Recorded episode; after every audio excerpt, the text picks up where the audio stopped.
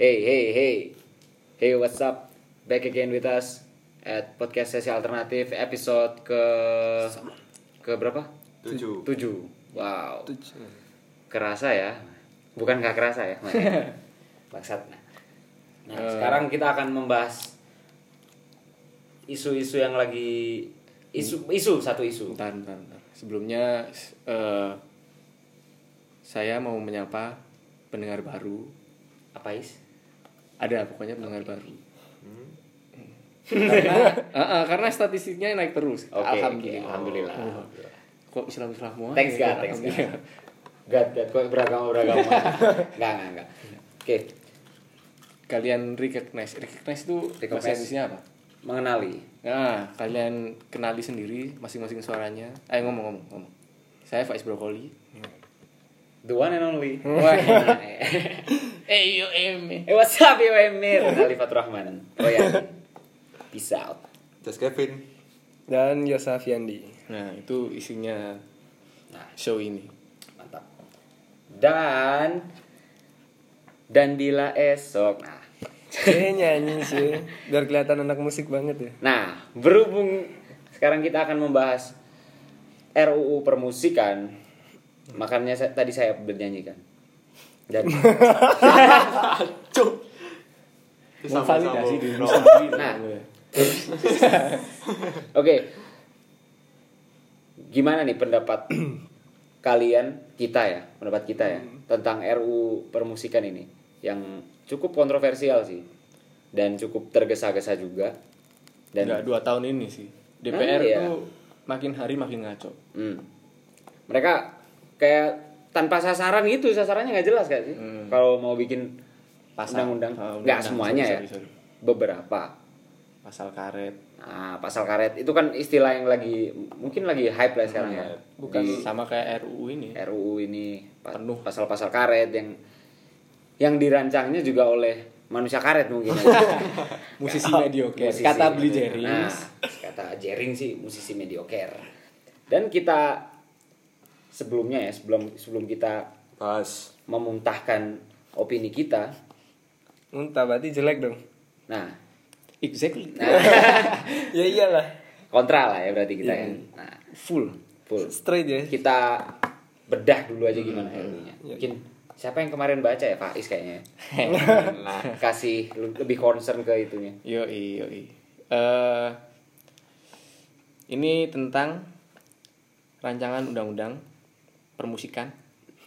ya kalau masih rancangan berarti kan belum ada nomornya, belum ada tahunnya. Masih RUU kan, bukan masih UU. Kalau UU juga waduh udah ketir-ketir nih. Hmm, Ketir-ketir. Apa tuh? nah, ini Yang menarik pasal 1 ya. Bab 1, ketentuan umum pasal 1. Musik adalah rangkaian nada atau suara dalam bentuk lagu atau komposisi musik melalui irama, melodi, harmoni, lagu dan ekspresi sebagai satu kesatuan. Setuju? Setuju, setuju lah. Setuju. Secara definitif masih aman lah ya. Hmm, Masih aman. Dua, kegiatan permusikan adalah segala kegiatan yang ber- berkaitan dengan proses kreasi, reproduksi, distribusi dan konsumsi. Setuju? Tujuh. Oh, Kurang setuju. Yang Oh. mana yang mana? Kegiatan permusikan Oh. Lupa. adalah segala Beda kegiatan yang berkaitan dengan proses kreasi, reproduksi, Ah. distribusi dan konsumsi. Hmm. Ada benernya cuman kayak kurang sedikit lah ya kayaknya. Ya boleh lah masuk lah. Oh. Next. Tiga nih, ini proses kreasi adalah proses penciptaan musik yang mengungkapkan pikiran dan perasaan penciptanya sehingga menjadi sebuah karya musik yang utuh. Setuju ya? Setuju sekali. Setuju sekali. Pasal satu kayaknya nggak ada masalah ya. Yoi. Langsung aja ke permasalahan atau gimana? Langsung ke pasal lima. Jangan dong. Pasal 4. Pak. Oke. Ada berapa Kreasi. pasal sih? Oh, banyak. Lima puluh. 50 kan? Wow. Banyak nih. Nih draftnya aja. Oh. oh. Itu belum kita bisa ya? dapat draftnya. eh, ya kita emang Ya, keren. terpercaya ya kan? Percaya. Aktual, tajam. Oh iya, aku pernah dapat kritik kalau eh men ini anak Jakarta ya. Benar Yes. benar anak Jakarta bilang, "Men, podcast lu eh, kayaknya kurang satu hal yaitu narsum." Jadi kayak kurang apa ya kurang klimaks istilahnya kayak Hmm. kayak apa ya kurang kayak kalau kamu mau ngeritik ini tapi kapasitas lu apa dia bilang gitu Kayak, ya gini loh nggak selamanya eh bukan nggak selamanya nggak harus kamu jadi chef kalau mau ngomen makanan gitu loh Yep, Ya, iya. benar sekali. Dan Jadi- kamu kalau mau mengkritik presiden tidak perlu juga menjadi presiden. kan? yes Exactly like my that. point Wah. Pasal 4 ya. Proses kreasi dilakukan berdasarkan kebebasan berekspresi, berinovasi dan berkarya dengan ya ini, aku teriak nih. Kenapa kenapa? Udah pakai volume tinggi, berarti ada yang bermasalah. Dengan menjunjung tinggi nilai agama, etika, moral, kesusilaan dan budaya bangsa. Oke. Oke. Duduk perkaranya mulai dari pasal 4. Lihat Baru empat itu ya. Kita bedah ya. Baru empat. satu persatu. Tiga apa sih, tiga? dari Mm-mm. ini. Gini loh. Kalau menurutku ya, proses ini tuh udah menciderai krea- kreasi itu sendiri ya kan sih. Kreativitas tuh tanpa batas kalau menurutku. nggak boleh lu lu lagi kalian batasin dengan menjunjung tinggi nilai agama, etika, moral. Kalian mau musisi-musisi Indonesia kayak Opik semua apa gimana?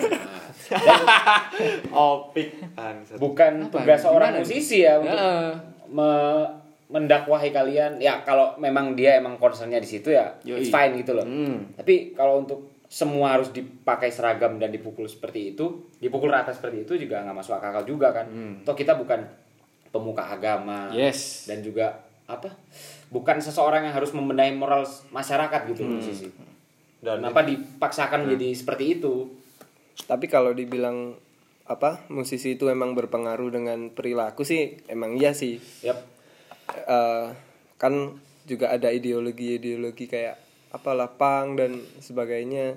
Emang cukup mempengaruhi sih. Cuman kalau misalnya harus diatur sampai sedemikian rupa kayaknya aduh gimana? dan pasalnya itu yang menurut saya udah dibilang pasal karet karena itu tadi ketentuan agama tadi dan agama Indonesia itu kan beragam kan jadi se eh, ketentuan agama yang mana gitu kan Oh iya, bener bener. Nah, kan kalau kalau kalian harus eh, mencakup semua agama kan peraturannya beda-beda gitu kan Ya mungkin yang dimaksud ya. Correct me if I'm wrong ya. Di nanti-nanti ya itu ya selalu pasti agama mayoritas lah. Ya, Yang Iya sih. dimaksudkan mungkin ya. ah, Iya sih, agama benar. mayoritas nggak mungkin kan agama minoritas kita junjung tinggi apalagi keadaan politik kayak sekarang kan Nah, manas-manas lagi ya. Nggak bisa lah kita keluar dari politik circle politik gitu ya. Sorry ya, teman-teman. Kita kadang-kadang get to carry away lah. Ya, gimana dong Nah, eh next belum ya? Apa Belum, yang masih belum, ada belum. yang ingin kalian muntahkan? apa ya eh sekali lagi musisi itu bukan superman ya Hmm.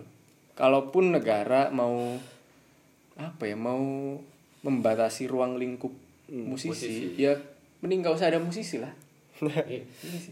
Yap. kalau gitu berarti kamu mau men, apa ya me, me- menjadi satukan apa sih Mempersatukan. mempersatukan genre yang sekarang lagi banyak ya genre ya genre kan memang banyak ya tapi Belum di- subgenrenya. ya Nah. tapi di Indonesia kan udah lumayan luas nih Nah, nah ini pasal ini muncul berarti kan mau menjadi satu ini satu dijadikan daerah. satu warna lah Ah. mungkin ya.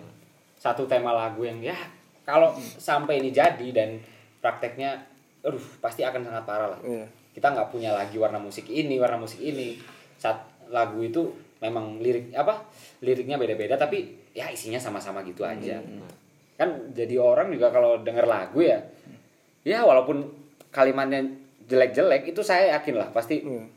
Pasti proses dalam proses kreatifnya itu mereka merujuk ke su- suatu makna yang mungkin nggak bisa kita lihat dari satu sudut pandang aja gitu. Seperti contoh lagunya bisa lah ya. Aku adalah Tuhan itu. Yoi. itu waktu itu kan waktu tahun 2008 waktu kita masih SMP kan kontroversial banget kan. Wah segini gini ya aku adalah Tuhan. Terus satu lagi lagunya Forgotten yang Tuhan telah mati itu. Itu menurut saya itu lagu religi yang cukup ngena juga sih sebenarnya loh ya. Hmm. kan itu yang dimaksudkan ya. Ya correct me if I'm wrong lagi ya. Nah, di lagu Tuhan telah mati itu si Adi Gembel Forgotten itu dia me- mengeluarkan unek-uneknya kalau dia bilang kalau Tuhan udah ada di majalah sini di sini di sini di sini. Ya orang hubungan vertikal antara manusia dengan penciptanya juga udah cukup pudar gitu kan sekarang. Jadi sebenarnya itu kan apa ya? Sebuah peringatan lah tapi dengan cara yang lain gitu kan kan juga aneh juga kan kalau lagu death metal kayak gitu tapi liriknya menye-menye gitu. jadi harus pakai lirik gitu Iya benar. dan maksudnya mungkin menyindir orang-orang yang menuhankan eh, terlalu menuhankan sesuatu lah sampai dia sesuatu. mengeluarkan Tuhannya Nah. Mabuk mabuk agama. dan memang orang-orang kebanyakan nggak nggak dengerin musiknya kadang dia cuma lihat dari judulnya gitu Ya, pro. dari Itu- terus itu juga sih. dan nggak nggak benar-benar dengerin dan nggak benar-benar cari tahu makna liriknya Maknanya gitu. itu seperti apa. jadi ada kesalahan di kesalahan persepsinya, persepsinya mereka mereka gitu. Apalagi ini ya bener yang dibilang Kevin tadi ini pasal karet. Nih etika etika batasan yang nggak masuk dalam etika ini apa gitu. Indikatornya nggak ada. Moral juga kesusilaan dan budaya bangsa kalau misalkan biar lagunya kami cari sendiri. Nah, itu. Itu saja moralmu itu saja akhlakmu nah. kayak lagunya peraturan yang sehat yang kami mau. Ini peraturan yang gak sehat kalau menurut kami. Lagunya milisi kecoa kan? Hmm. Yoi, yang ini bukan yang- Arab. Nah, yang menurutku ya, menurutku nih, sorry, sorry to say, yang relevan banget sama keadaan negara sekarang ini, yaitu menurutku gimana dong? Apakah itu termasuk budaya bangsa kita? Kalau aku bilang, oh iya itu apa? Termasuk Budaya. termasuk budaya bangsa kita, termasuk apa ya? Sedikit menyentil lah. Terus gimana dong? Kalau aku mau nerima, kalau DPR enggak, ayo. nah iya juga kan dia kan di milisi kecoa kan menyuarakan ini bukan Arab yang dimaksudkan di kalimat ini objeknya kan Indonesia kan Indonesia. berarti kan ya budaya kita kan yang ya, Nah. lebih kita kedepankan budaya Yoi, kita heeh. jadi ya Iya. apa ya jadi kurang ngena gitu antara etika norma moral itu batasannya sampai di mana atau jangan-jangan ini para yang mengaku-ngaku wakil rakyat ini yang duduk di Senayan lupa bahwa ngerancang undang-undang itu juga harus sedetail mungkin gitu loh. Jangan interpretasimu dimasukin kayak gini. Nah. Batasan interpretasimu, ya kalau batasan interpretasimu sama kayak interpretasi kita. Nah. Kalau enggak, ya nggak sih? Iya Iya. benar. nah, Itu beda beda kasus itu? beda beda kasus ya kalau lirik ya Iya. emang di mungkin banyak sekali ya yang lirik yang yang tahu mak- maknanya itu yang ya yang nulis aja gitu loh Hmm. jadi para pendengar itu bebas mere- merepresentasikan visual Yoi. itu seperti apa tapi kalau masalah undang-undang ya ya harus jelas gitu kan Yoi. kan ini bukan bukan karya gitu Iya. Gila apalagi budaya bangsa ini. kita kan beragam gitu kan hmm. Kalau kalian tadi mengaitkan agama di situ ada agama sama budaya bangsa terus kalau di agama yang mayoritas tadi gimana dengan budaya bangsa yang pakai koteka gitu Yoi. apa itu nggak boleh atau gimana Yoi, iya. Jadi kan Nah, pasalnya membingungkan gitu kan Itu aja masalah loh. masalah kan di suku Dayak yang pakai tato piercing Wadah. Waduh, rokokku masuk. Nah, yang suku Dayak pakai tato piercing yang itu di dalam nilai agama yang mayoritas sudah jelas tidak boleh lah ya. ya tidak boleh Itu gimana terusan kalau gitu? Hmm. Kan? Terus kalau kita bikin lagu itu, misalkan pakai tato seperti orang di gini gini gini, kita melakukan itu dengan dalih apa? Ya ini budaya bangsa Budaya gitu. bangsa. Itu kan berarti fine fine aja kan? Nah Ayo, mau jawab apa? Nggak ada orang DPR sih di sini. Ayo, Kalau ada udah kita bantai. Enggak sih, enggak sih. Apa apa emang bener ya kalau lagu-lagu yang mengkritisi eh bukan sih bukan di bukan di situ ya. Nanti aja lah, nanti aja lah. Nanti aja. Nanti aja. Next. next pasal 5 Nah, pasal 5 nih, paling bahaya. Paling bahaya. Dan paling ramai juga kan di jagat Hmm. ya. dunia maya. Aku bacain ya. Yoi. Dalam melakukan proses kreasi, proses kreasi definisi, definisinya itu tadi, setiap orang dilarang. Mendorong halayak umum melakukan kekerasan dan perjudian serta penyalahgunaan narkotika, psikotropika dan zat adiktif lainnya. Oke. Gimana? Ini poin A dulu nih. Gimana tadi? Oke, aku ulangin ya, aku ulangin ya. Rere juga tadi masih kelayapan. Mendorong halayak umum melakukan kekerasan dan perjudian serta penyalahgunaan narkotika, psikotropika dan zat aktif lainnya. Langsung aja lah ya. B. Memuat konten pornografi, kekerasan seksual dan eksploitasi anak. C. Memprovokasi terjadinya pertentangan antar kelompok, antar suku, antar ras, dan atau antar golongan. D. Menistakan, melecehkan, dan atau menodai nilai agama. E. Mendorong halayak umum melakukan tindakan melawan hukum. F. Membawa pengaruh negatif budaya asing dan atau G. Merendahkan harkat dan martabat manusia. Yang aku garis bawahi sih ini yang eksploitasi anak, itu ya. Itu bahkan bukan cuma di dunia musik aja sih. Atau mungkin bahkan di dunia musik malah nggak ada ya kayaknya ya. eksploitasi anak iya. Kalau kalian pah apa paham malah. Kalau kalian amatin nih Hmm. sinetron-sinetron yang sekarang ini itu isinya apa bukan anak-anak di bawah umur itu. Mereka harus kerja berapa jam Iya. kayak gitu kan. Itu juga termasuk eksploitasi Eksploitasi, sih ya. kalau menurutku. bahkan mungkin dari zaman dulu sih ya ada Iya. potret potret potret ya kekasihanan anak-anak kecil yang dieksploitasi seperti di sinetron sinetron yang ada anak kecil jadi pengemis Iya, lagi gini gini apakah itu bukan eksploitasi anak kalau ya mungkin kalau sekarang udah dikritik sama para SJW SJW di media sosial gitu kan social justice warrior men. dan pasalnya itu juga membel- membelenggu kebebasan berekspresi musisi gitu kan apalagi tadi ada di pasalnya kan membawa pengaruh negatif budaya asing Hmm. pengaruh negatif budaya asing itu yang gimana gitu kan Hmm. jadi Banyak banget pengaruh negatif. Tergantung orang yang makainya sih. berarti kalau pengaruh negatif budaya lokal nggak apa-apa dong orang yang dilarang budaya asing. Berarti pengaruh negatif budaya lokal nggak masalah kan? Apa contohnya? Kebut-kebutan di jalan, di jalan. Melanggar lampu merah gitu kan. mudah termakan hoax itu kan budaya. Eh, boy. orang Budaya kita banget. budaya sungkan. Jadi kan pasalnya emang nggak jelas. Eh, bener sih ini dimenamain pas- pasal karet karena nggak ada kejelasan di pasalnya gitu kan jadi orang-orang bisa mengartikan pasalnya itu sesuai persepsi mereka masing-masing gitu Tapi takutnya sih, takutnya kalau misalnya banyak yang bahas masalah eh apa? Banyak yang membahas bahwa pasal ini adalah pasal karet. Takutnya makin dipertajam tuh. Maksudnya? maksudnya Semakin apa ya, dibikin nggak se nggak karet mungkin gitu. Jadi nanti malah apa ya cari cari cari celah lah gitu loh. Hmm. Ngerti nggak maksudku? Enggak. Paham. Nah, Gimana, Gimana Ya, ya? kalau kamu bilang ini dicari biar nggak sekaret mungkin ya lebih bagus dong berarti. Oh ya, berarti Oh iya iya iya benar-benar.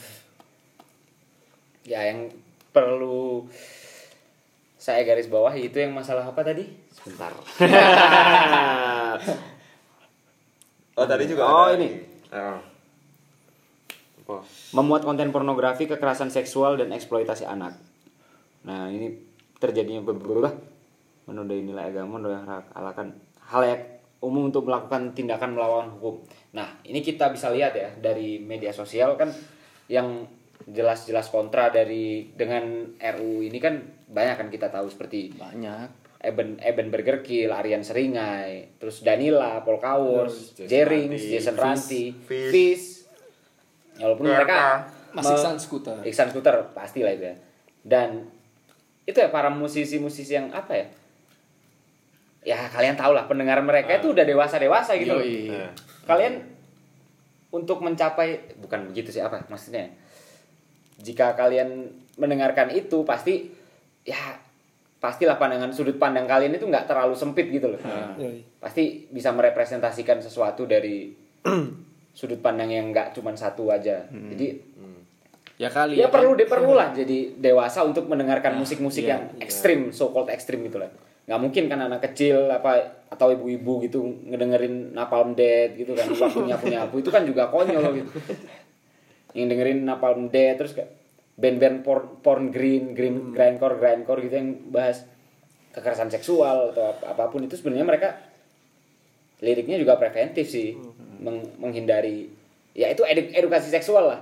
Sebenarnya lo mungkin lo ya. Ya kali apa ada anak nih anak ya aku berarti kalian udah tahu range-nya umur anak, berapa? nah. ngomong atau bahas album barunya seringnya seperti api terus dia bilang ke bapak ibunya kalau aku ini sekarang panas gitu. seperti api Ah, ya, ya konyol juga kan. Nah, iya kan. Kan Ya, bodoh. dari dari musik kan seni gitu jadi ya Produk nggak bisa gagal zaman direpresentasikan kapan, secara mentah-mentah Nah. gitu loh dan bisa biasanya orang sih. mendengarkan musik itu eh, dia yang relate sama kehidupannya sehari-hari Hmm. gitu kan jadi misalnya dengerin seringai dan dengerin peace dan sebagainya berarti kan relate sama apa apa yang udah dia Alamin. alamin gitu kan dan ini sih orang jadi eh, tadi ada pasal yang memprovokasi antar kelompok Hmm. itu juga membingungkan sih maksudnya gimana memprovokasi antar kelompok Kelompok gitu. yang mana? kelompok yang mana? Apalagi kita dulu kan kan juga pernah ngalami waktu SMP itu antar kelompok ada APWG sama Ah. nah, itu kan juga memprovokasi antar kelompok. Jadi maksudnya kayak gimana musik yang tidak memprovokasi antar kelompok gitu kan. Ya apa ya? EC diambil contoh ya. Kit- kalau kalian ingat masalahnya si homicide dengan lagu puritannya itu kan. Yoi. dia kan dengan rap yang sesehari itu ya dia ada ada kelompok nih. Dia ada satu orang yang nggak setuju dengan lagu itu karena dianggap apa terlalu ofensif lah mungkin ya lagu puritan tersebut. Yang kata-katanya itu apa ya? Lupa lah saya ya. Terus dia dibalas lagu puritan itu sama rapper siapa? Tufail Al Ghazali atau siapa lah gitu dia anaknya Ahmad Dhani bukan. Tufail Tufail siapa lah gitu pokoknya. Dia balas lagu puritan sama persis cuman liriknya diganti. Salah satu yang lirik yang saya ingat kalau di lagu puritan yang asli kan fasis yang baik adalah fasis yang mati. Terus kalau di lagunya Tufail Al Ghazali itu atau siapa saya lupa ya. Itu homicide yang baik adalah homicide yang mati. Ya itu kan juga termasuk perpecahan dalam kelompok. dan yang di dunia rap itu udah biasa kan balas-balasan. Dis dis. Dia ngedis Heeh. dis- dis- ya emang budayanya rap gitu lah. rap seperti gitu. Ya. dan pasal 5 ini Bagus di kalau itu. RUU ini bertentangan dengan pasal 28 UUD 1945 yang bunyinya kemerdekaan bers- berserikat dan berkumpul mengeluarkan pikiran dengan lisan dan tulisan dan sebagainya ditetapkan dengan undang-undang. Yes udah Berarti kan- melukai demokrasi kan nah, berarti? melukai demokrasi dan melukai akar eh, undang-undang di negara kita kan undang-undang dasar 1945 apakah yang menyusun RUU permusikan ini nggak baca undang-undang dasar 1945 yang seharusnya sebagai acuan gitu kan apakah yang membuat RUU ini yang malah menginginkan per- perpecahan sebenarnya di sini? Nah nah jangan-jangan Jangan-jangan. iya kan? teori konspirasi ini. Atau eh, kalau enggak jangan-jangan emang otaknya nggak nyampe. Jadi harus disamaratakan. Harus selevel dengan saya. Nah. tidak bisa tidak bisa begitu dong. Seluruh Indonesia Anang. Opik. Tolong ya. Eh, kalau punya otak ya Nah, dipakai dikit Anang tolong. ya kalau ya bener lah anda jadi dari DPR terus mau bikin undang-undang tapi tak begini. Please. nah kan? Bikin lirik aja tapi tak begini Tak begini.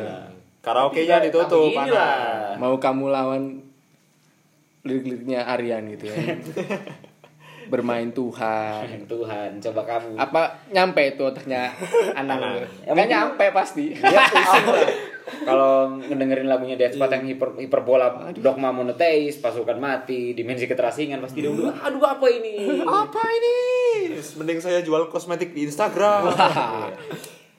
Lirik-lirik kan juga ditulis pakai sarkas kan dan yang pakai sarkas kan bisa dibilang orang-orang yang nyampe lah. Nah, kapasitas otaknya orang-orang yang nyampe dan tahu orang-orang yang nyampe. lagi anjing. yang denger juga yang apa yang tahu-tahu aja gitu loh. Jadi kalau saya contohnya kalau kita mau dengerin Dead Squad yang ini lagu apa hiperbola dogma monoteis patriot moral prematur itu kan sebenarnya ya menyindir intoleransi intoleransi gitulah.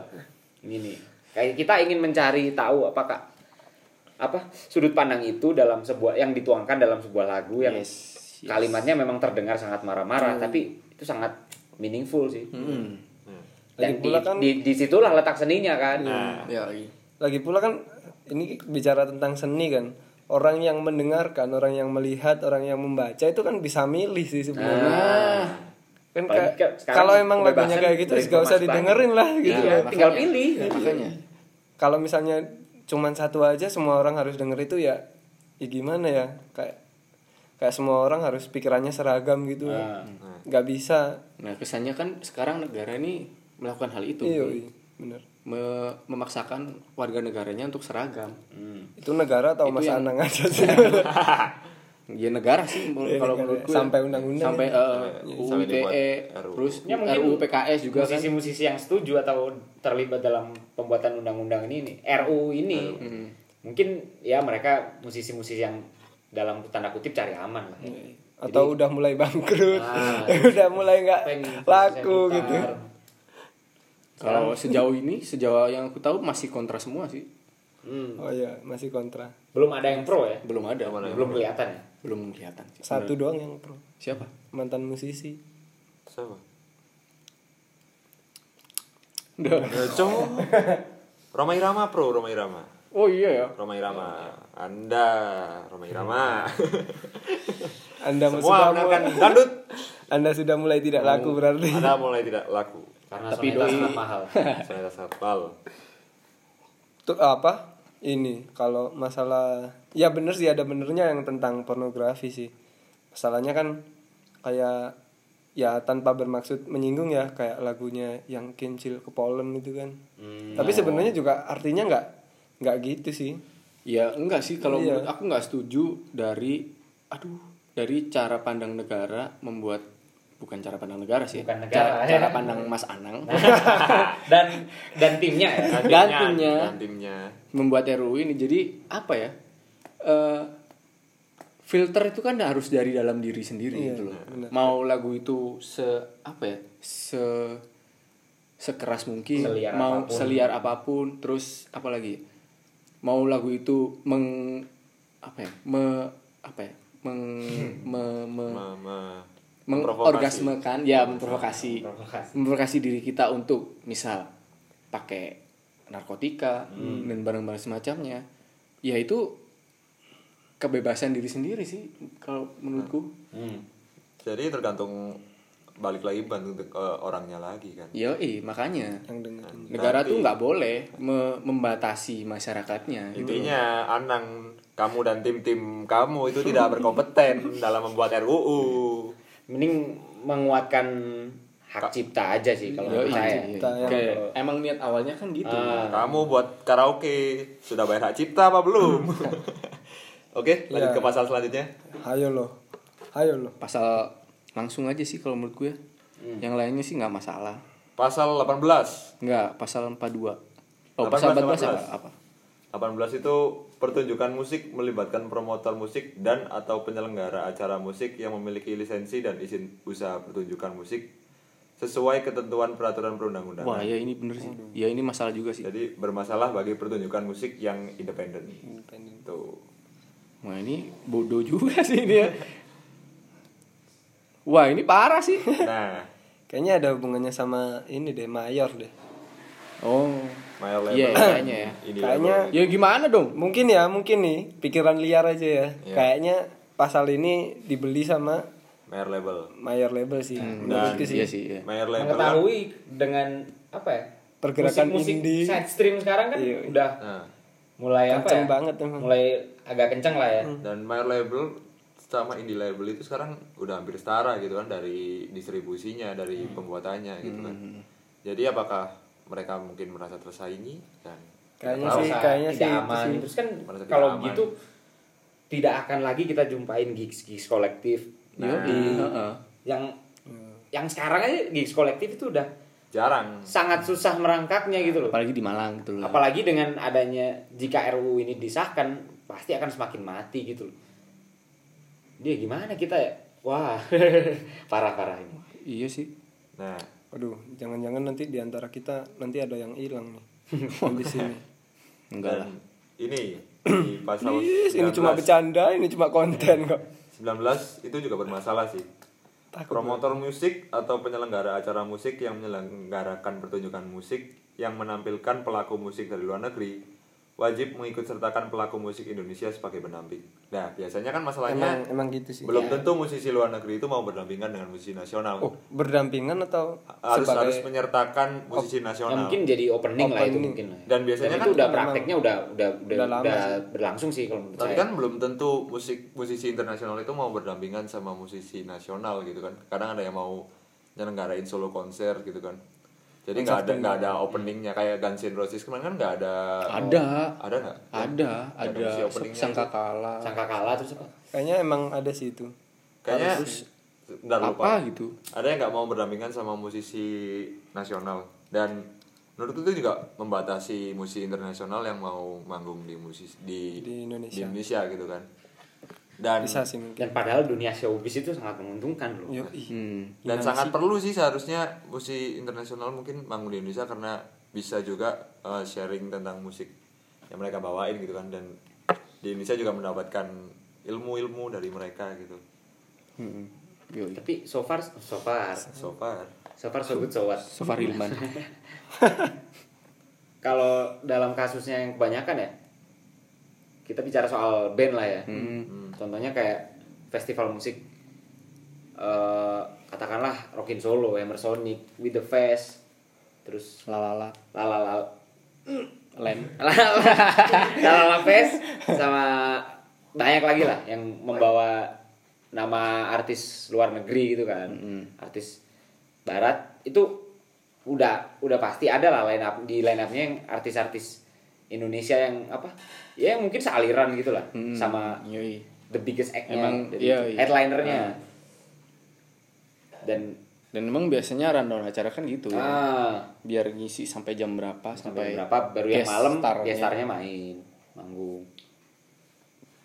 Ya itu is okay. Nah, itu kan Tapi ya juga nggak- mutualisme kan nggak harus nggak harus, diatur sih kalau nah ya udah udah ngapain gitu loh nggak itu waste of time sih ya, Yoi. sesuatu yang udah jelas nggak Yoi sama ini waste of our money gitu. iya lah pasti lah sama Ormani Ngebuat RUU nggak penting ini. Hmm. Kalian tuh dibayar pakai pajak kita gitu. nah, kita bayar pajak susah-susah ditekan ditekan Next. kalau dibuat kalau nggak dibuat korupsi dibuat pasal karet aduh Ah. Apalagi anu ini anu lagi. Eh kayak program-program nggak penting kayak pemblokiran situs porno. Blokiran situs porno itu aduh Tidak sangat penting. sangat meresahkan ya dan Bodoh sih. Terus pasal 32 32 apa? Untuk diakui sebagai profesi, pelaku musik yang berasal dari jalur pendidikan atau autodidak harus mengikuti uji Oh ini uji kompetensi. kompetensi. Oh iya benar. Jadi kan membelenggu karena setiap musisi diwajibkan mengikuti uji kompetensi agar diakui. Ah, Jadi uji kompetensi seperti apa yang kalian lakukan pada berarti kan ada standar di situ yang ditentukan ya? Nah, Nah standar yang kayak gimana itu seperti itu? Itu kan Dan- juga sangat abu-abu sekali dan mungkin standarnya tadi Ini nih, nih ada ada. Di Ada, ada ayat standarnya. 3 Standar kompetensi sebagaimana dimaksud pada ayat 2 disusun dan ditetapkan oleh menteri nah. dengan memperhatikan usulan dari organisasi profesi. terus menterinya berarti ada, berarti ada menteri menterinya harus musisi dong kalau permusikan. Makanya. Dan menterinya Anang, Anda salah Anda. Memilih menteri dengan memperhatikan masa. ada lagi loh ini yang harus di underline dengan memperhatikan usulan dari organisasi profesi. organisasi profesi. Apa coba Hmm. organisasi profesi? ya mungkin kayak Pak ya Ikatan Akuntan Indonesia. kan emang ada kan kayak Indonesian drummer gitu Ini ada ya kali. ada organisasinya itu kayak yang punyanya Glenn terus Rian Demasif itu musik kini Indonesia kalau nggak salah lupa namanya jadi dia itu kayak buat ada organisasinya gitu yang tadinya itu katanya untuk memperjuangkan musisi soal hak cipta dan sebagainya gitu kalau nggak salah nama organisasinya itu musik kini Indonesia itu Hmm. ada Glenn Fredly ada Rian Demasif ada Dr. Tompi ada Andin juga kalau nggak salah Fuck copyright Ya, tetap semua hanya sih. milik Tuhan nah enggak lah copyright penting ya dan Kalau menurut dia nggak layak tapi demand di pasaran rame gimana coba? Nah, mungkin itu yang dia takutkan itu yang dia lakukan musik-musik dengan standar-standar yang Hmm. lolos menurut dia jadi yang oh, ini keren. Jadi kan uji kompetensinya itu juga uji kompetensi yang seperti apa gitu. Yui. Apa mereka harus ikut sekolah musik atau gimana dan mau bibel di mana kalau kata Fish kan. Ya, tidak tidak akan lah lah- lahir kalau Iwan Fals Iwan Fals yang baru kalau seperti itu Setuju. dan berarti setiap orang yang mau jadi musisi itu harus mengikuti uji kompetensi yang Nah ini ini yang jelas. yang itu tadi. Terus klimaksnya kayaknya ini deh. Pasal 33 uji kompetensi diselenggarakan oleh lembaga sertifikasi profesi yang telah mendapat lisensi sesuai dengan ketentuan peraturan perundang-undangan. Ini sih yang jadi masalah kalau menurutku. Yoi. Yoi kamu. apa gini ya musisi itu bukan profesi Cie. mungkin Apa ada dong? sih mungkin ada sih yang apa dijadikan profesi. Yang money oriented lah ya. Iya kan tadi di situ dibilang kan di pasal berapa? Satu ya? Mm-mm. bahwa apa musik itu haram. Ba- ba- ba- ba- ba- dan musik tuh haram. Neraka kalian semua. dia itu dari apa apa namanya tadi? Dalam mengungkap diri. ya Mengungkapkan- mengungkapkan perasaan Oh, lah ya, nah. kayak gitu kan. Tapi perasaannya Ya. dikekang Iya. Iya Nah, ya perasaan tapi dikekang terus gimana ya anda ini mas kalau Anang kalau profesi kayak gitu Sensorship aja udah cukup masalah ya. Nah. kan sih? Apalagi tadi gitu loh. yoi. Sensorship itu Udah cukup udah lah. mematikan kreativitas Nah, hampir sampai ke akar-akarnya gitu dan kalau nggak salah uji kompetensi ini jadi sistemnya itu dia dapat sertifikasi gitu kan dari menteri tadi Mm-mm. yang mungkin menterinya Mas Anang terus katanya itu ada batas minimum honorariumnya. Jadi ini musisi atau PNS gitu kan? Ada oh iya jangan-jangan nih ya, jangan-jangan. PNS tuh takut sama musisi-musisi. harus disetarakan semua ya? Harus serahkan semua. Jadi ada Iri batas PNS tuh. Nah, iri PNS iri PNS kan musisi apa cuman manggung-manggung bisa keluar negeri. Nah. PNS mau tuh kayaknya tuh. PNS mau kayaknya dikira musisi semua senang-senang gitu. Bikin lirik itu susah Lirik susah recordingnya nah. lama. Mahal butuh waktu yang Mahal. lama gitu loh. Salah sendiri latihan juga mahal. Alat-alatnya apalagi. Ya itu juga harus. Tapi CPNS juga mahal tau. Iya sih bener. Kan? bener, Bener kan? PNS yang berseragam juga nah sekarang mahal. Nah ngomongin soal PNS dengan ditekannya dengan diterimanya PNS yang tahun ini katanya turun apakah itu berita baik atau berita buruk? Nah, apakah itu intermezzo dampak aja lah ya. Intermezzo apakah itu dampak dari musik-musik? Ya semoga. Yang diterima kalau orang kolot-kolot kan bilangnya kalau wah ini rezim Jokowi PNS semakin dikit semakin susah mencari pekerjaan. Ya anda cari lahan pekerjaan lain dong. Anda jadi wirausaha kalian semua itu. Jangan. Atau jadi musisi nah bisa. bisa jadi musisi. Motivasi kan udah dibikin profesi nih habis ini nih. Hmm, nah. motivasi ya ternyata nggak out of topic out of topic amat sih ya. Emang kamu pinter ya emang Re. fuck lah. Kita tuh apa sih yang enggak yang enggak buat ngejelekin pemerintah kita? Ya kita apa adanya kok. Apa adanya. Oke. Nah lanjut. Ke pasal 42 42 wow. Ayo pelaku usaha di bidang perhotelan restoran atau tempat hiburan lainnya wajib underline. Wajib. Memainkan musik tradisional. Oh, di, Nah. di tempat usahanya. Gimana tuh? Setuju. Setuju. Aku Oke. setuju. Alasan? Tapi eh ini wajib loh. Wajib. berarti harus ada gamelan gitu dong di restoran. Nggak apa-apa. Musiknya kan yang dimainkan jadi nggak harus ada gamelan kan? Oh iya sih benar musiknya yang dimainin wajib memainkan musik Aku sih nggak tradisional apa-apa. ya gimana dong? Musik tradisional tuh kan gamelan. Kalau aku sih nggak Jawa ya. nggak- keroncong yo iya. nggak setuju sih. Jadi aku setuju sih. musik tradisional itu nggak cocok ditaruh di beberapa tempat gitu kan. Ada Oh. tempat yang memang cocok buat dimainin musik tradisional ada tempat yang nggak cocok dimainin musik tradisional. Kalau menurutku sih gitu. Kalau aku sih malah ini ya kebalik sih sama si Kevin. Ya kita kan di Indonesia ya. Jadi menurut saya musik-musik daerah apa apa sih tadi? Bilang Tradisional. musik-musik tradisional itu masih cocok diputar Di segala dimainkan tempat. di mana pun. Di segala tempat. Selama itu masih di tidak mengganggu kedaulatan orang lain.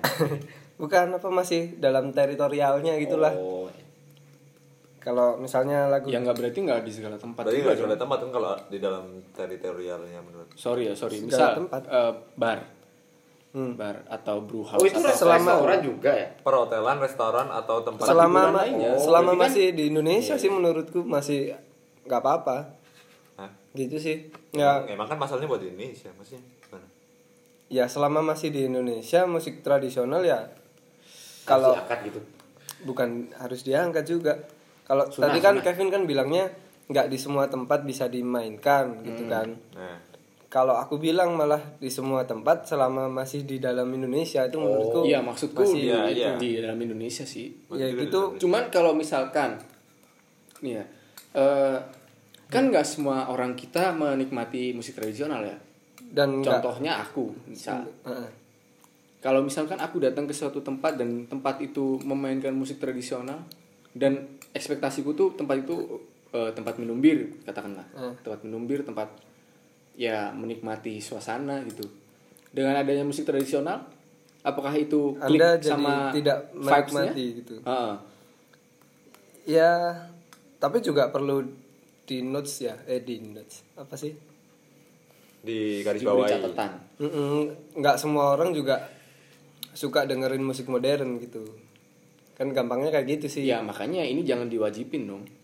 jangan diwajibin memainkan musik Kalau tradisional. tadi bilang nggak semua orang suka dengan musik modern, berarti kan tergantung tempatnya kan berarti kan.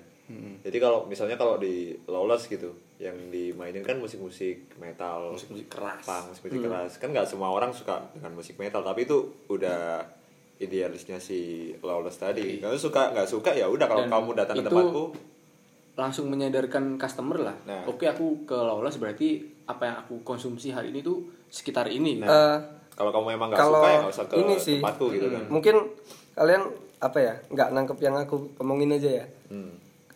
Eh, gampangnya sih Asik, saya suka keributan. Dari tadi saya diam.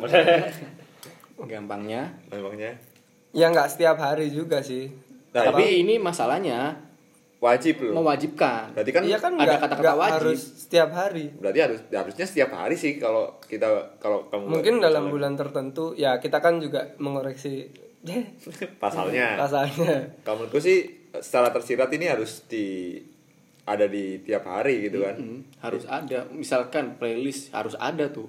Hmm. dua lima sepuluh berapa 16 100 14. ya nggak apa-apa sih menurutku yang penting kan harus dimainkan terus juga kalau masalah pengawasan pasti ini bakalan ribet banget kan Hmm. ya, Ya, nah, bisa Ya lah makanya. Ya makanya berarti ini sia-sia dong. ya Kalau misalkan ini disahkan. iya emang tapi kalau aku sih masih setuju sih kalau harus musik tradisional di musik tradisional wajib ya hitungannya wajib di semua tempat ya dengan catatan dalam minggu-minggu tertentu atau misalnya kayak hari Jumat aja Oh. Kayak Jumat batik day gitu. Hmm. Kalau aku sih masih setuju sih itu Oke. Berarti yang mau ke hotel atau mau ngedate, mau kencan di restoran, di hari-hari tertentu harus tahu lah jadwalnya. Kalau nggak mau terganggu dengan itu, dengan musik-musik tradisional toh juga menurutku sih menenangkan sih lagunya menurutku Menurut- Iya. sebagai kamu kan sebagai Iya. pendengar musik tradisional kan Sedangkan kayak aku sama Faiz Enggak, kan tidak enggak. mendengarkan musik tradisional jadi mungkin akan terganggu Ya mungkin. nah dan itu sih emang nggak Faiz mungkin kesurupan. marah-marah sendiri nggak pasti. dan mungkin emang kalau aku sih nggak cocok di beberapa Wah, ya tempat kali. gitu Ya bisa jadi sih aku marah-marah coba ya. Kalau di bawah kendali alkohol ya kalian nggak tahu gitu. nah Kan juga kesurupan. Coba kamu mau ke house terus ada lingsir wangi gitu kan jadi Aku ingin bertaubat.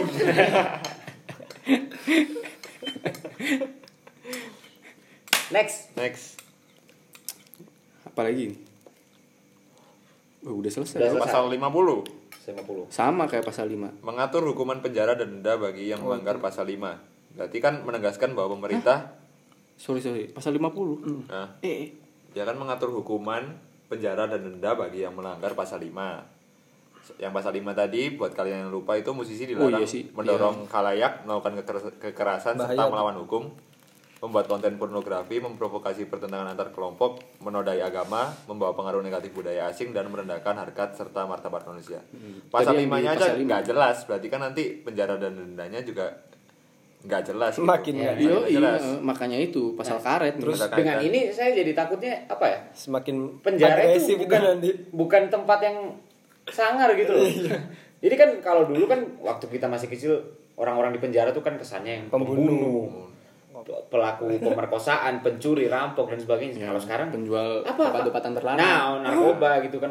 Kan orang-orang yang, wah gila lah, menyeramkan lah sekarang. kenapa lo ketangkep Kenapa lo ketangkep? Ya, menista agama. Bikin musik, nyanyi nyanyi gini. Allah.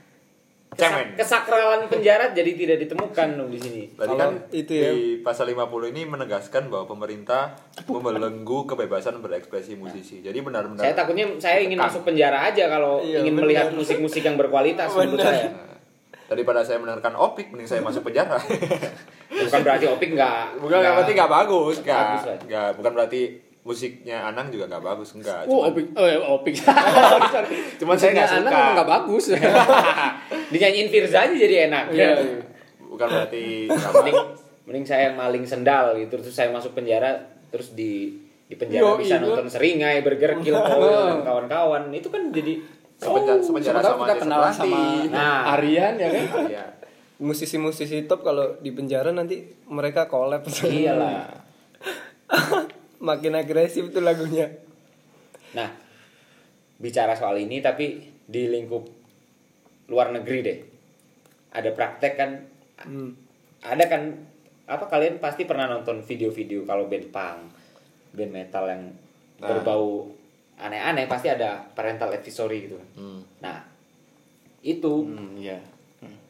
itu juga kan apa prakteknya hampir sama dengan ini kan tapi itu cuman masa mengatur masalah apa sensorship dan kawan-kawan Hmm. Ya sama kan di Indonesia Nah. juga ada batasan umur. Batasan kalau itu umur restricted. kalau menurutku itu udah cukup sih. nah itu udah cukup dan mending yang dikuatkan itu ya permasalahan copyright aja sih Copyright. biar nggak bertabrakan dengan sana sini sana sini Atau kalau enggak eh, crowd crowd waktu di gigs. Bisa Nah. yang mau stage dive itu diberikan jalan keluar misalkan ke iya depan, kalau ke kalau di luar kan gitu balik barikade tuh. Di sini Sampai malah kayak didorong dorongin gitu. sampai Oh. jatuh nah, kan Nah, gimana? harusnya kayak gitu yang harus di apa ya di Diakomodir. Diperhatikan lah ya. diperhatikan. Diperhatikan. kalau di luar kan kita lihat enak Bukan malah dipukulin gitu kan. di sini malah dipukulin kalau stage dive gini-gini. Nah, Dan- itu kan ekspresi cara kita berekspresi gitu. Sebenarnya di gigs, di gigs gigs kan juga udah diterapin kayak umur umur sekian baru boleh masuk kayak gitu kan. Sebenarnya udah Nah, itu udah aja yang dimaksimalkan gitu itu loh. dimaksudkan soal cipta tadi. Keamanan aja masih bobrok gitu Nah, Nah, waktu konser Nah, di sini alay masih banyak yang masuk kan. yoi paling banyak yang masuk, mulai masuk. coba pasti yang dengerin ini pasti pernah lah nonton konser HP-nya hilang gitu punya hilang, dompetnya hilang. bahkan nggak sekali dua kali Itu yang seharusnya di penjara Mas Anang. Nah, itu yang di kriminal sih emang Amerika yang saya tahu ada Parent Music Resource Center atau PRMC lah ya, yang mengatur censorship. Jadi itu para orang tua orang tua yang insecure lah dengan apa yang didengarkan oleh Anaknya. anak-anaknya gitu. Nah, mereka melabel melabeli album-album yang dianggap berbahaya dengan tulisan E itu Explicit parent- content itu kan? explicit content parental advisory gitu Iya. dalam pengawasan orang tua. Hmm. Nah, dan yang membuat PRMC ini namanya Tipper Gore. Ibu orang tua dari apa? Senatornya Vice President Al Gore. Nah, Susan Baker. Terus aduh, siapa lagi nih? ah, nah, itulah itulah. Dan pada prakteknya juga itu juga nggak mulus-mulus amat gitu si PRMC ini. Banyak sekali penolakan seperti NOFX yang mereka eh, bikin album apa ya? Eh, bikin EP kalau nggak salah. Tahun berapa gitu 80-an apa 90-an di PRMC Can Suck on This. Terus banyak sekali yang Banyak banyak. yang apa namanya Eh, kontra dengan itu terus personil Misfits dan Zik dia bikin lagu Mother ini untuk menggambarkan si Tipper Gore ini terus ya banyak lah Megadeth, Ice-T terus si vokalisnya siapa itu ya? Twisted Sister yang Ah, siapa tuh namanya? Siapa namanya?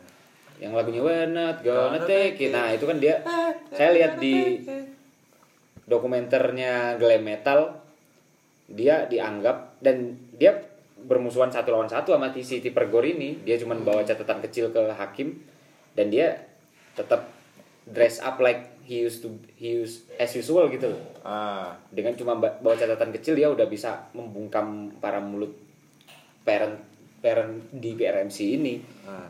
Dan banyak kasus lainnya kayak censorship yang wah kick ass banget lah menurut saya. Kalau contohnya Metallica waktu tahun 96 dia main di MTV Eropa kalau nggak salah.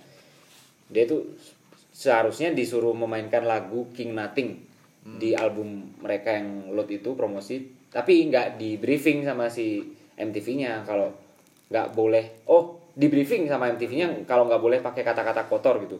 Wah si Metallica-nya react kan. Apalagi si James Hetfield dia kalau nggak kalau nggak swearing itu kayak nggak nggak nggak lega lah ya. Lega. terus ya bisa jadi apa ya berubah maknanya. Nah akhirnya itu. Yang awalnya disuruh mainin mainin lagu King Nothing yang saat itu menjadi singlenya Metallica mereka malah mainin lagunya Misfits yang La- Las Keres itu tentang pembunuhan sama pemerkosaan sama lagu So Fucking What dari Antino Werlik band punk lah yang berbicara tentang kekerasan gitu loh. Jadi itu apa ya momen yang bener-bener keren lah menurut gue pemberontakan banget lah. Dan yang ditakutkan kalau di Indonesia sampai jadi pasti akan lahir lah seperti ini kekacauan-kekacauan seperti ini atau kayak atau menurut kalian nih harus ada ya rebellion kayak gitu? Ya harus tetap ada sih. Iya. selama peraturan-peraturan yang nggak jelas tidak jelas seperti ini enggak kalau misalkan ini jadi gitu. Ya, pastinya pasti ada. harus ada. Pasti ada sih. Pasti ada. Masih dalam tahap Rebellion. RUU aja seperti ini loh. Apalagi kalau jadi UU kan kalau benar-benar jadi. UU, Iya. benar-benar meledak gitu kan. Jadi kebebasan bermusik ini benar-benar dikekang gitu sama pemerintah. Direnggut nih. Sampai dimasukin penjara dan seakan-akan penjara lebih bebas daripada dunia di luar penjara gitu kan. Jangan-jangan kayak di Kuba nih. yang para anak pangnya masuk apa? Itu apa yang sanatorium. nyuntikin nah nyuntikin nyuntikin di HIV, HIV karena merasa di kalau di situ lebih dimanusiakan lah. Daripada itu terlalu ekstrim sih. Walaupun malah tersiksa ya. Nah. Dan tadi juga aku baru baca berita kalau eh, seharusnya tadi kan kalian tahu kan kalau jaring Superman Estate itu? Dia benar-benar vokal. Speak up lah vokal gitu. Padahal drummer dia. Nah, sama si vokal juga sih apa? Iya di anu Devil Dies. Devil Dies ya Devil sama Dies. si Anang ini. Terus seharusnya tadi dijadwalkan si Jering ini ada wawancara di radio di Bali. Dan wawancaranya itu sama Anang Hermansyah jadi ada debat ada debat. Kan Anang Mas Anang ini diskusi bukan debat diskusi. mungkin ya? Lagi di Bali kan lagi di Bali. Dan ternyata saat waktu siaran Mas Anang ini nggak bisa datang. Nggak mau datang bahkan karena dia mintanya diwawancara secara terpisah dari jaring dan kalau ya, kamu merasa benar Mas Anang seharusnya kamu mau. Nggak takut ya? Nggak nggak takut. melarikan diri. Dan kamu pasti punya argumen untuk membuat RUU yang tidak jelas ini gitu kan. Apa kira-kira argumennya apa karena dan dia si Jering ini juga ditantang debat di TV gitu kan kamu debat di radio aja nggak nggak datang apalagi di TV Hmm. di TV yang penuh drama bisa jadi eh, nanti ya bisa jadi di TV Anang Anang yang menang gitu. iya kayaknya sih gitu sih kayaknya gitu karena TV TV kita kan ya kalian tahu lah TV kita Ya. gimana gitu apalagi diwawancarai di nanti debatnya di acara dahsyat tuh lumbungnya artis-artis yang tidak jelas.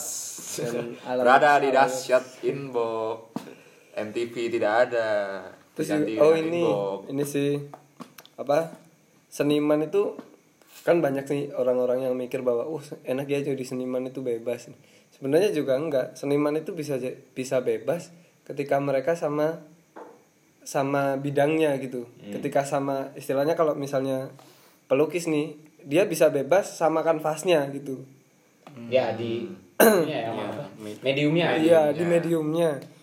Ya ketika di luar dari kanvasnya itu, dari dari mediumnya itu ya mereka rakyat biasa Iya. gitu. Nggak ada nggak bebas nggak bebas kayak yang kalian pikirkan. Eh cih kalian pikirkan apa ya? Yang banyak orang pikirkan. dan emang orang-orang tertentu aja sih yang bisa jadi musisi kalau menurutku ya Hmm, Nah, nggak gampang loh. hmm. tapi mungkin kalau bikin lagu kayak Anang gampang semua orang bisa Ya enggak lah. kan sama aja kalau kita bilang gitu membatasi kreativitas dia gitu kan. Kalau misalnya Nggak, nggak Itu terserah dia lah kalau mau bikin Karena dia kayak gak gitu. kreatif makanya membatasi kreativitas orang kayak lain.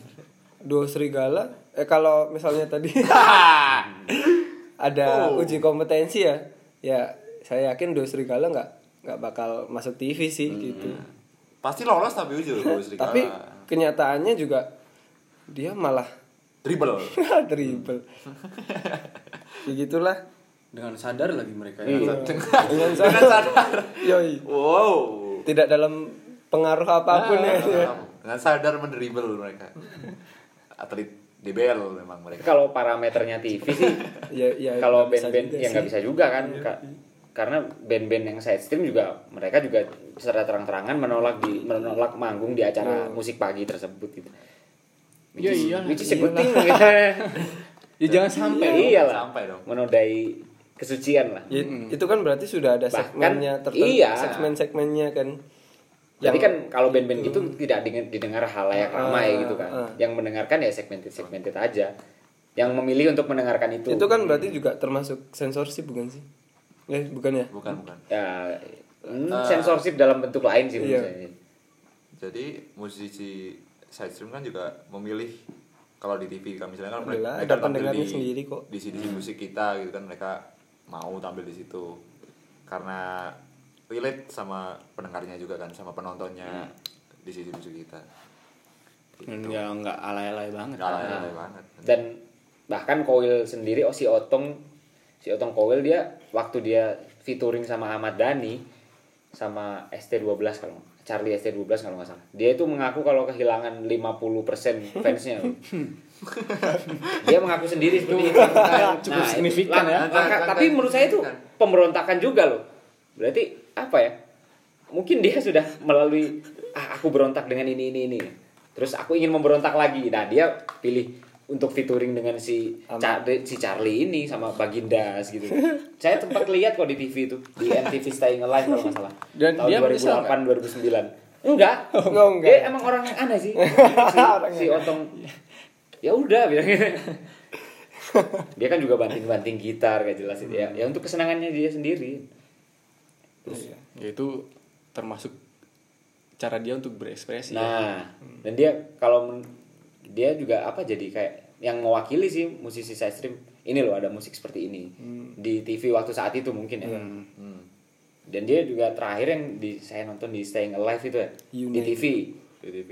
MTV Staying Alive tahun 2008 apa 2009 dia bukannya bilang ini lagu terakhir dari Koel dia malah bilang ini lagu terakhir dari Kangen Band. Semua, semua, semua penontonnya malah ketawa hihi kan juga what.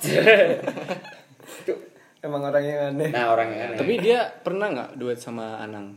wah belum pernah ya kan belum nggak kepikiran mungkin Dan mungkin karena keanehannya ya. dia ya Otong Kayaknya Jos sih. karena keanehannya. Terus apa nih apa nih? Berarti kita semua sepakat kalau kontra sama RUU yang dibuat ini kan. Iya. Ya, ada Kalau aku beberapa, sih ada beberapa. kontra. Kontra. Full. eh Full kontra. satu doang yang aku eh ada sih ada yang ada pasal satu itu masih setuju itu kan masalah cuman Masalah. ya Iya, kalau masalah masalah, latar belakang lah itu ya. Sama yang tadi musik tradisional itu masih nggak apa-apa sih Musik tradisional itu kan kamu nggak apa-apa tapi perlu direvisi gitu kan Ya. soal apa? Ya nggak harus setiap hari itu kan. pagi-pagi dengerin musik itu kayaknya mantap juga Siang-siang panas-panas mendengarkan musik tradisional semakin panas. Yang penting berikan kami kebebasan untuk memilih Makin apa yang ingin kita dengarkan. Ya itu itu penting. karena kalau saya ingin mengutip dari Race Against the Machine, Wah, enak. Oke. fuck you, I won't do what you tell me. Oke. Oke. That's it. Gimana? kalau masih ada yang ingin dimuntahkan lagi?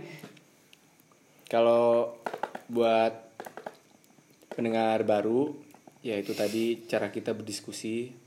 Nah, Eh, k- saya percaya kalau kalian masih ada ruang di akal kalian untuk menerima diskusi-diskusi seperti space ini. ya Nah, space dikit aja. Eh, dan ya meskipun kita bukan narsum yang berkredibel ya, istilahnya kayak gitu yang bersertifikat atau apalah segala Yang macam. lulus uji kompetensi. kita cuma mahasiswa tingkat akhir kok Eh, tapi saya yakin kalau opini-opini dari kita tuh ya nggak nggak salah-salah amat juga nggak benar-benar amat gitu dan kita nggak ya tidak butuh validasinya juga kan atas kebenaran Iya sih. kalian mau kontra ya silakan Eh, buat pendengar lama juga eh, terus dengerin aja ya. semoga tetap betah dan Eh, semoga kita di share dong di share di sosial media kalian Jangan cuma dengerin 5 menit tadi. Emang ngaruh ya? ya itu makanya kita punya durasi yang mungkin menurut, menurut kalian cukup lama karena ya emang diskusi Ya, itu butuh waktu yang Butuh Iya. lama. Makan yang nggak sebentar sih, bukan yang lama yang nggak sebentar Waktu sejam itu juga sebenarnya juga nggak cukup. iya kadang terus mengalir terus mengalir terus mengalir Kita mau record juga ngobrol, record ngobrol, habis record juga ngobrol lagi. Iya, ngobrol lagi. belum Kita record kita briefing sih. lah. Ya. Nah, dan yang bisa kalian ambil tadi dari diskusi kita walaupun kita kayak aku sama Pak Is tadi bertentangan sama Yosa, tapi juga nggak nggak bermusuhan gitu. Mm-mm, iya berdiskusi itu bukan ajang cari musuh diskusi itu ajang azan ajang untuk Oh, azan, cari ya satu kan? kesepakatan Bahkan musik bisa mempersatukan kita, weh. Mm-mm. Enak. oke bu- buat ya itu aja dan Atau- kalau kalian yang ingin memberikan kritik atau saran bisa dikirim ke podcast alternatif at gmail.com Iya. Jangan malu. Kita nggak bakal Nah. apa ya? Me, me- kita nggak bakal langsung marah ah sama kamu Iya. gini gini gini gini no Dan kalau kalian memang nggak Kita mau sabar. Nah, nggak mau aku nggak pingin tanya tapi nggak mau identitasku dikasih tahu. Kita juga Iya. nggak akan kasih tahu Iya, identitas nggak kalian. akan, nggak akan. Nggak akan. Oke Terus, ntar, ntar, terus ntar, apa lagi dong. hmm. Eh, Buat pendengar baru. enggak, enggak. kita kan kan sepertinya pendengar baru ya ya, fix. Anda sebenarnya dekat dengan Enggak, pendengar baru enggak. dari tadi. Oh iya, eh, jangan takut untuk berpendapat. Seperti yang aku bilang tadi, kalian tuh nggak harus jadi chef dulu untuk bisa mengomentari suatu makanan. Sama kayak kami ini berempat. Gitu loh. Kami ada satu teman kami yang jadi musisi, jadi yang lainnya cuman biasa, Biasa. Biasa. manusia biasa. ya kalau kita lihat di konser ya kalau si penyanyi bilang are you feeling good tonight penontonnya pasti bilang kan bilang wow padahal aslinya dia banyak utang banyak pikiran pikiran skripsi gini gini HP-nya hilang. HP-nya hilang. Dia pasti bilangnya are you feeling good tonight? Yeah. Senang senang tolonglah. Jangan batasi hal itu lah. Itu ya, cara kita untuk meluapkan ekspresi kesedihan kita. Kalau nonton konser sih kita jadi fine fine aja kalau keluar dari tempat parkir baru aduh aduh Iya. aduh, aduh. Nah, kalau sempro sempro semuanya sempro kompre Wah, acara bubar aja udah pikiran itu udah nah, datang lagi. udah datang lagi ya tolonglah berikan kami space untuk mewadahi kesedihan kami yang kami gantikan dengan Wah. kesenangan huru hara walaupun cuma temporary sudah jangan dibatasi lagi please please. please buat eh, para wakil rakyat yang duduk di Senayan khususnya komisi 10 khususnya anak Hermansyah Eh, bisa ini bisa dijadikan referensi untuk tidak mensahkan bill ini bill anda urusin sorry. karaokean anda lah Hawaii Water Park Sama kosmetik Anda yang tidak jelas. Yoi. udah ya that's it for today see you next time see you next time and fuck you. I will do what you tell me